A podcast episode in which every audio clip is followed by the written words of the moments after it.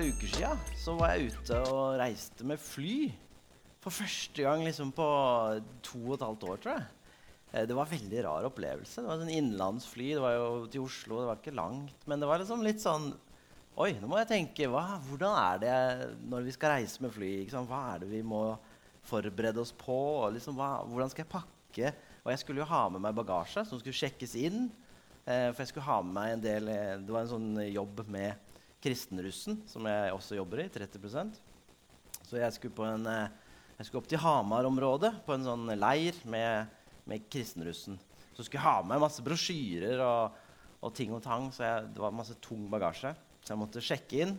Eh, og så hadde jeg håndbagasje. Og så måtte jeg tenke, da. Ikke sant? Hvordan er det? Jo, det er sikkerhetskontroll. Og hvordan Ja, og så kom det tilbake. Hadde jeg lurt å forberede seg på forhånd ikke sant? før du kommer til sikkerhetskontrollen og, og sånn. Det er så, i hvert fall sånn jeg er skrudd sammen. At eh, jeg, jeg er ikke den som kommer der og begynner å sant, eh, forberede meg når jeg står ved båndet liksom, inn til sikkerhetssjekken.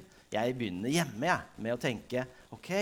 Jeg, ja, for jeg pleier å ha en sånn, der, eh, sånn i lomma. Det er ikke en lommekniv, men det er en sånn multiverktøy. ikke sant? Det kan jeg ikke ha i lomma. Den, så den pakker jeg i bagasjen som sjekkes inn. Og det gjør jeg hjemme. Eh, og så forbereder jeg meg og så tenker jeg gjennom. Og så når jeg kommer inn på flyplassen, så, så er ting klart. Sånn at jeg er rask gjennom sikkerhetskontrollen. Og jeg blir litt sånn irritert hvis det er noen sånne andre som ikke er raske. ikke sant? Jeg er den typen. Men jeg, jeg holder det inni meg, for jeg, jeg viser jo ikke utad at jeg blir irritert. selvfølgelig. Jeg er jo litt sørlending, jeg òg. Eh, men det å gjøre seg reiseklar, det er litt det vi kan eh, bruke som bilde nå før fasetida. For fastetida er på en måte en reise mot Jerusalem, mot påskens innhold, mot det Jesus skal gjøre i påska. Eh, og nå søndag for søndag så kommer vi til å ta opp tekster som på forskjellig vis handler om eh, det Jesus måtte gjennom, mot eh, troskamp, mot eh, forskjellige motiver da, som handler om eh, å møte, forberede seg på å feire den viktigste høytiden i kristen tro. Og nå, når vi er liksom litt før fastetida, i dag, fastelavnssøndag, så kan vi forberede oss og tenke litt gjennom hvordan vil jeg bruke denne tida før påske. Ikke sant? Vi gjør oss reiseklare. Eh, fasetiden er jo en gammel tradisjon. Eh, det begynte jo med Jesus. Han, før han begynte sin tjeneste, så fastet han i 40 dager i ørkenen, står det. Eh, og, eh, og, den tradisjonen den tok på en måte den første kirke med seg. Eh, og at de brukte da 40 dager før påske på å forberede seg på det som skulle skje der. Men fasten ser veldig forskjellig ut. Det, det er ikke noe sånn 'Dette er faste. Sånn skal det være.' Men kristne opp igjennom har brukt denne tida på forskjellige måter. Eh, noen eh, sant, avstår fra kjøtt. Eh, og nå Det er ikke så mange kristne som gjør det nå om dagen, men tidligere var det vanlig. Eh, og, og derfor så var det veldig fokus på Før fastetiden så var det fest. Sånn som i dag. Fastelavnssøndag skulle det være mye god mat. Det skulle være feit mat.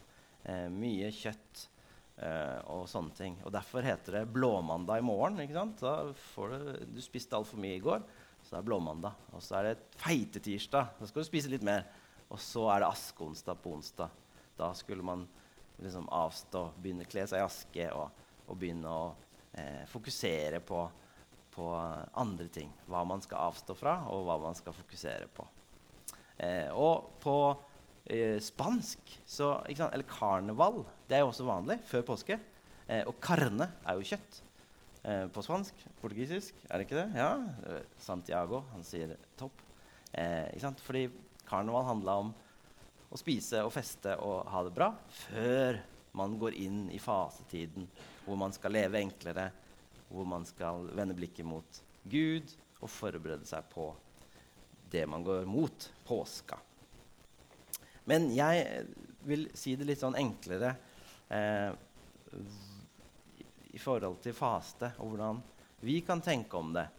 Eh, vi, kan si, vi kan si noe om at hva er det du ønsker å fokusere mindre på i den tida som er framover nå? Og hva er det du ønsker å fokusere mer på i tida som kommer? Det er en mulighet for oss da, til å stoppe opp litt og tenke hva vil jeg fokusere mindre på? Kanskje litt mindre sosiale medier. Kanskje litt mer Jesus. Enten å lese en god kristen bok eller noen sånne ting. Kanskje mindre godteri og luksusmat. Kanskje mer givertjeneste eller hjelpe noen på en annen måte. Så stikkordet er å tenke gjennom hva vil jeg ha mindre av i livet mitt, og hva vil jeg ha mer av i livet mitt. Det kan være en sånn spørsmål, et spørsmål vi kan jobbe med nå, før fasten. For det å gjøre seg reiseklar, det er å bestemme da, hvordan vil jeg at tida nå før påske skal være. Og så må jo du selv se på ditt liv og hva du har mulighet til. Hvordan kan det se ut hos deg? Det må du finne ut av. Eh, men denne tida er også en god mulighet sant, til å jobbe litt med relasjoner til mennesker også.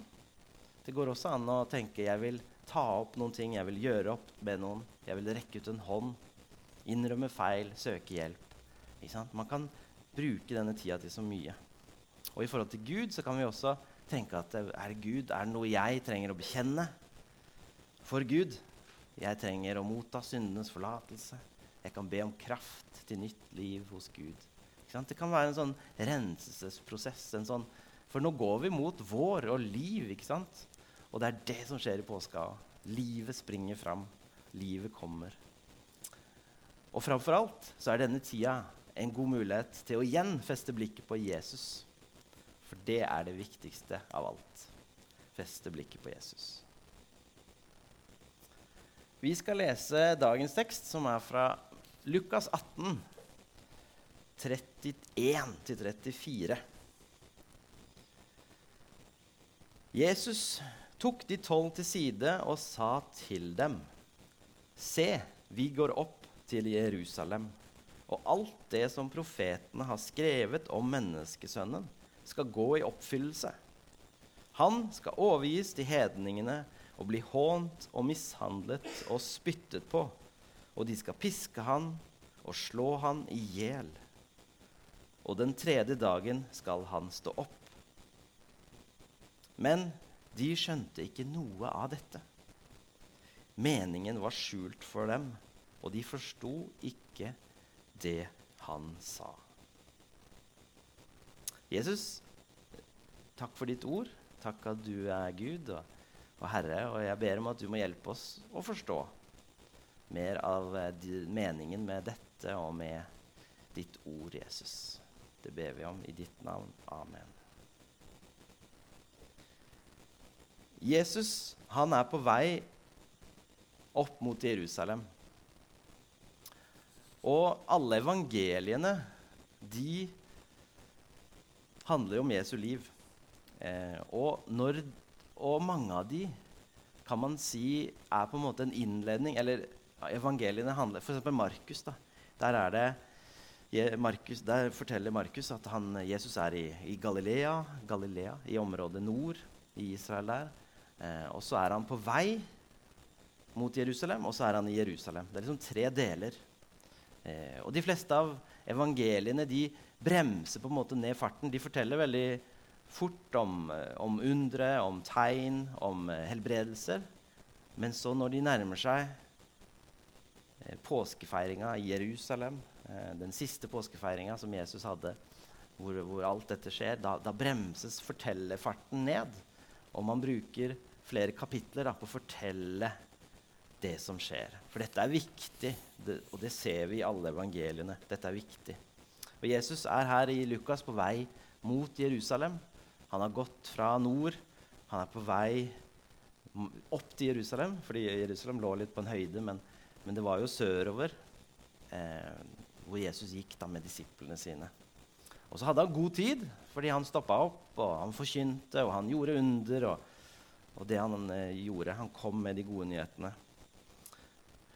Så før teksten så, så er han på vei liksom, til Jerusalem, og etter teksten så fortsetter det med at han går inn i Jeriko, og han møter Sakkeus bl.a., og så kommer vi til Jerusalem etter det. Men her på veien så stopper Jesus opp, og så trekker han disiplene til side. Det er bare de tolv som får liksom innblikk i dette her. Og så forteller Jesus, og så er dette, det er ikke første gang han har sagt dette her. I min bibel så står det det er tredje gang han, han forteller det. At eh, han, han framsier, han, han, på en måte peker mot det som skal skje der framme i Jerusalem. Eh, han avslører hvem han egentlig er, og hva, hva som egentlig er hans oppdrag. Og, og, og, disse versene de er jo, Det er veldig få vers, men det er veldig metta. da.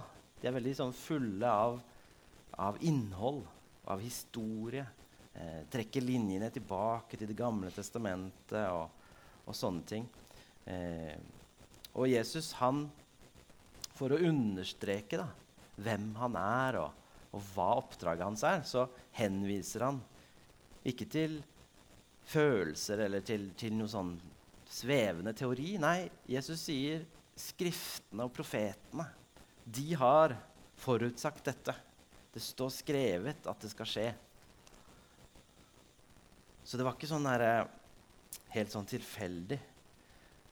Det er profetier. Det er ting som er blitt profetert i Det gamle testamentet, i, i, i, i, tåraen som jødene hadde. Der sto det. Og, det som, eh, og noen sier at det er over 300 profetier i Det gamle testamentet om Jesus. Eh, om det han skulle gjøre, om Messias, om, om, om det han skulle komme med. Og, og det fins flere sånne videoer på Internett som forklarer dette, bl.a. Alfa. Eh, Alfakursene har jo gode videoer på dette, eller spesielt Ungdomsalfa. Der kan du finne sånn eh, oppsummering av alle disse her, mange av disse 300 profetiene. Men jeg tror ikke det var sånn at, at folk på den tida, at jødene på den tida, de, at de hadde en liste med disse 300 profetiene og at de liksom gikk og sjekka om Jesus oppfylte de. Jeg tror ikke det var sånn det var. For jøder på den tida, eh, de fleste av de, de venta på en Messias som skulle befri de politisk fra overmakten, fra Romerriket som hadde tatt de. At det var en Messias med sverd og med, med våpen, og, og, en som skulle redde de sånn fra den der makta som Romerriket hadde. Det var nok det de venta på. For de hadde jo opplevd igjen og igjen å bli okkupert. De hadde jo stadig blitt tatt av folkeslag eller, eller vært i fangenskap. og, og sånne ting. Så israelittene gikk nok og venta på at, det, at det, de, skulle, de, skulle, bli befridd. Sånn, sånn fysisk. Eh, og det var nok disiplene. De var også der. De var jo jøder. De også venta nok på en sånn Messias. Så når Jesus forteller, prøver å for formidle da, at han skal lide, han skal dø, han skal bli tatt til fange, så, så skjønner jo ikke de det. For det, det verdensbildet, Messias-bildet, krasjer jo helt med det de har, Messia, bildet de har av Messias. Så jeg forstår på en måte at disiplene ikke skjønner dette, at dette er vanskelig. Og vi kan jo tenke litt sånn Er det, er det oppmuntrende eller er det frustrerende at disiplene ikke skjønner det Jesus sier? Det er på en måte litt oppmuntrende. De, jo, de, gikk jo med Jesus daglig. Eh, de har gått med han i nesten tre år nå på dette stedet i teksten. og og likevel skjønner de på en måte ikke hva Jesus vil, og hvem han er. Så da er det kanskje ikke så rart at jeg ikke forstår alt, kan jo vi tenke. Samtidig er det litt frustrerende. Er det så vanskelig, Gud, at, uh, at mennesker som lever med deg hver dag, tre år, at de ikke skjønner det? Hvordan skal jeg skjønne noen da? Det kan være litt sånn og, og jeg slår meg egentlig til ro med at vi er mennesker, at vi er begrensa, at uh, at Gud er større Det store bildet det, det, det, ser vi ikke. Vi ser noe, vi ser stykkevis, vi ser delt. Av og til får vi åpenbaringer. Den hellige ånd hjelper oss med å forstå teksten. Men jeg tror fortsatt i dag at det kanskje er ting i Guds ord som ikke vi helt skjønner. da. Fordi vi er barn av vår tid. Vi er prega av samfunnet vårt. Så vi ser ikke hele bildet. Og jeg lever godt med det. Jeg tror Gud, han, han har uh, kontroll. Nå har jeg lyst til å dykke inn i to sånne uh, temaer i teksten. Det ene er menneskesønnen. Jesus kaller seg selv menneskesønnen. Og, eh, han snakker om seg selv i tredje person. At han er menneskesønnen. Og Det er jo en henvisning til Gammeltestamentet, til Daniels bok 7, 13-14. Eh, og Der så får Daniel et syn av en som var lik en menneskesønn. Og denne skikkelsen, menneskesønnen, kommer fra himmelen. Både bokstavelig, at han kommer på skyene, men også sånn han kommer med, gode, med godt budskap. Han er sendt i overført betydning så er han sendt med gode nyheter til et hardt prøvende folk. Og, og menneskesønnen i Daniels bok blir på en måte en sånn eh, Stilles opp mot disse herre En rekke sånne eh, monstrøse eller sånne udyr og, og skikkelser. Så de er liksom det onde, og så, og så, er, og så er, menneskesønnen det gode. Da. Så det blir en sånn, sånn der, eh, kontrast der mellom disse. Og, og disse her dyreskikkelsene de har, brek, de har brukt eh, makt, og de har hatt makta på jorda, ødelagt og spredd frykt. Men så kommer mennesket, sønnen, og han eh, kommer med retten, han kommer med det gode, han kommer med håp. Og så har menneskesønnen et menneskelig ansikt. I motsetning til å være guddommelig og helt fjernt, som noe vi ikke vet helt hva er, så er menneskesønnen har et menneskelig ansikt som vi kan kjenne igjen. da. Og helt i motsetning til disse her udyrene, som er noen beist uten menneskelige følelser og noen sånt. Og makten til disse her udyrene de tar slutt, mens menneskesønnens makt vil vare for evig. Og dette er jo Jesus. ikke sant? Dette er jo sånn Jesus var. ikke sant? Sånn Jesus er. Jesus er menneskesønnen. Jesus er Gud som ble menneske, og som var menneskelig. Og når disiplene så han i øynene, ikke sant, så ikke sant, Det var et menneske, og det var Og han kom med en makt som var helt annerledes. Og samtidig som Jesus framstiller seg selv da, som en sånn frelserhelt, en, en som skal redde, så tar Jesus også rollen, da, ufrivillig eller frivillig, eller det er planen i hvert fall, at han skal være Herrens lidende tjener, som i vårt sted skulle ofre seg selv. Og dette er jo eh, profetert om sant, i Jesaja. Jesaja 52 og 53, kapittelet der, så står det masse eh, vers da, om denne herre Herrens lidende tjener. At Herren skal sende sin tjener, sin lidende tjener, som skal ta eh, vår skyld og vår, ta vår plass.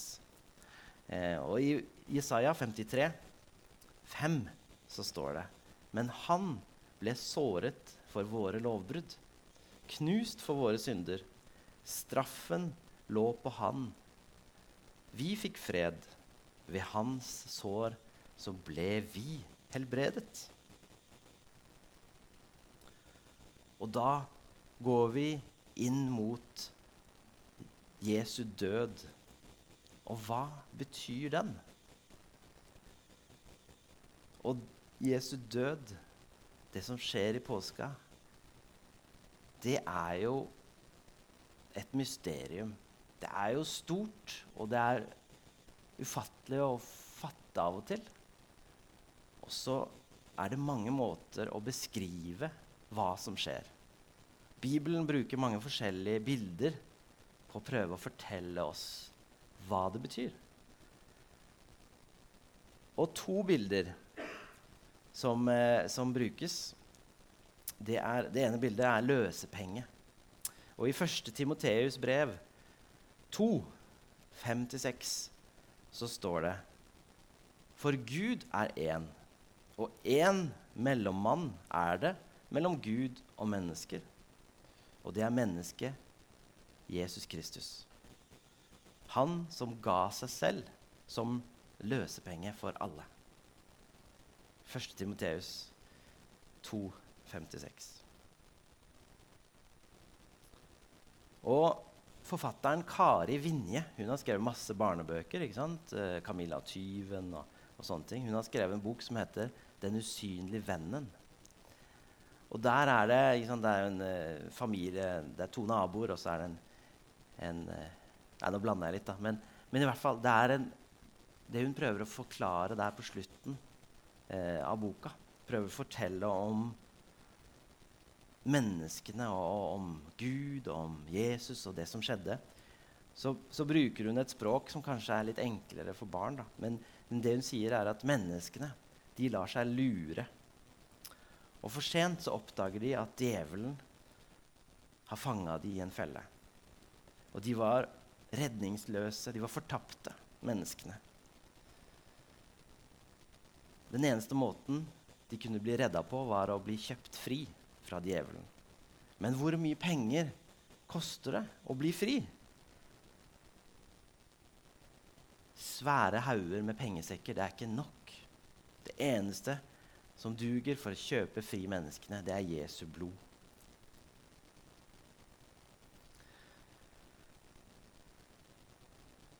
Og kanskje den forklaringen kan være litt enklere for, for barn enn en den andre, som Eh, et annet bilde som handler om sonoffer.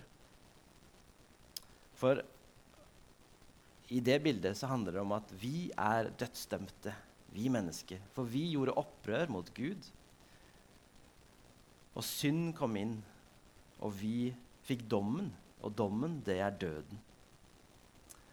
Men Jesus, han tok vår plass i døden, sånn at vi skulle bli fri. Og i Jesaja 53, så, som jeg leste fra i sted, så,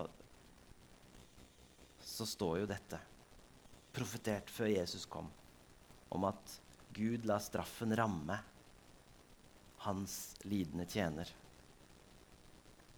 Og at eh, Jesu liv ble gitt som et skyldoffer.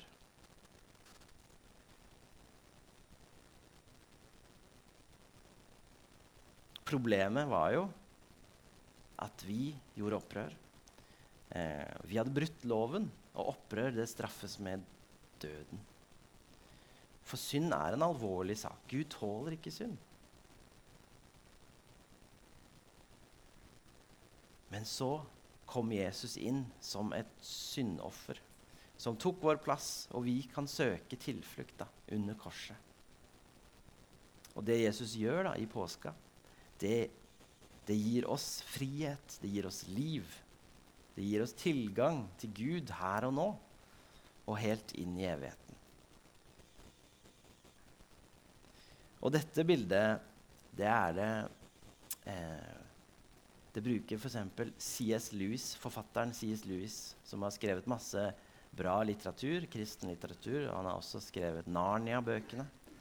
Og i Narnia-bøkene så er det en uh, scene uh, hvor det er en av disse barna Det er fire barn sant, som finner et klesskap og så kommer til en annen verden, som er Narnia. Og Et av disse barna han heter Edmund. Og Edmund han blir lurt av den hvite heksa, som er den onde i Narnia-verden. Han blir lurt av henne. Hun lokker med godteri og med, med sant, lovnad om at 'her kan du få det bra'. Og sånne ting. Og så, og så gir han på en måte hemmeligheter, og han, han, han lar seg lure da, av det onde. Og, og uh, han blir på en måte en quisling. Han blir en forræder mot de andre barna og mot Aslan. Aslan er jo løven, den gode i Narnia.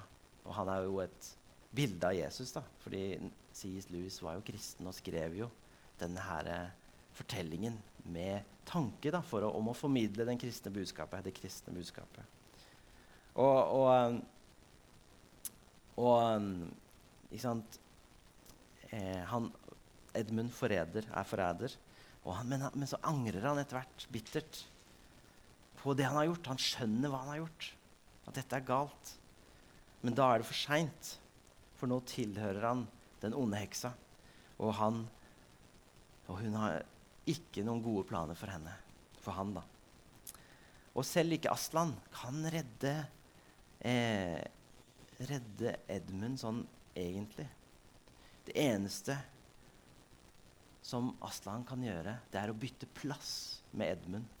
Det er at Aslan må gi seg selv til heksa og la henne få lov til å ta han, mens Edmund kan gå fri. Og det er det som skjer. Og i en scene der som er veldig sånn grusom, og sånn, så blir Aslan tatt til fange. Han blir lagt på, på, et, uh, på et, alter for å bli ofra, for å bli drept. Eh, og han blir drept. Eh, og, og, men Edmund, han får gå fri. Og hvis du ikke har sett filmen, så, så er den jo tilgjengelig der ute. Og, og, du kan også gå på YouTube og, finne liksom denne scenen og, og finne oppstandelsesscenen òg, for det er jo det som skjer. Aslan han blir jo ikke døende. Han står opp sånn som Jesus. Så disse her bildene, disse her uttrykkene for å prøve å forklare hva Jesu død betyr for oss, det er det mange av. Eh, det er i Bibelen, og og populærlitteraturen har prøvd å, å, bruke andre ord for å beskrive dem. Og det fins mange sånne forsøk på å formidle dette. Og jeg tror det kan være bra for oss også å, å hente språk, hente bilder fra andre steder for å skjønne mer. Hva er det Jesus har gjort for meg? Hente fra Bibelen, men også fra, fra god kristen litteratur. Og kanskje kan fastetida være noen sånn periode hvor du, hvor du leser en bok eller hører en lydbok som kan formidle noe av hva Jesu død og oppstandelse betyr. F.eks. 'Nådens gåte' av Philip Yancy. Eller Narnia-bøkene. Da kan du se filmen, eller du kan lese, lese bøkene. For å få litt mer sånn språk og innblikk og litt mer eh, nye bilder, eller friske opp gamle bilder av hva Jesu død og oppstandelse betyr. Hvordan forbereder du deg til påske? Du kan bruke dagen i dag til å tenke på det. Hva vil du ha mer av nå før påske? Inn i livet ditt. Og hva vil du ha mindre av i livet ditt? Men viktigst av alt, det er å feste blikket på Jesus gjennom denne tida. Så god faste. Kjære Jesus, jeg takker deg for at vi får gå sammen med deg eh, opp til Jerusalem. Og vi får vandre med deg gjennom tekstene og gjennom dagene mot påske. Og så må du være med og forberede hjertene våre på hva, hva, er det vi skal, hva er det vi skal feire. I våre travle hverdager, i våre liv, så må du hjelpe oss å sette av tid til deg og til å grunne over dette store som skjer. Må velsigne forsamlingen her. Velsigne oss, Jesus, og vær med oss nå i tida framover. Gi oss det vi trenger for hverdagen, og hjelp oss å gå ut og være til stede i våre hverdager og lytte til deg og være med andre. Det ber vi om Jesus i ditt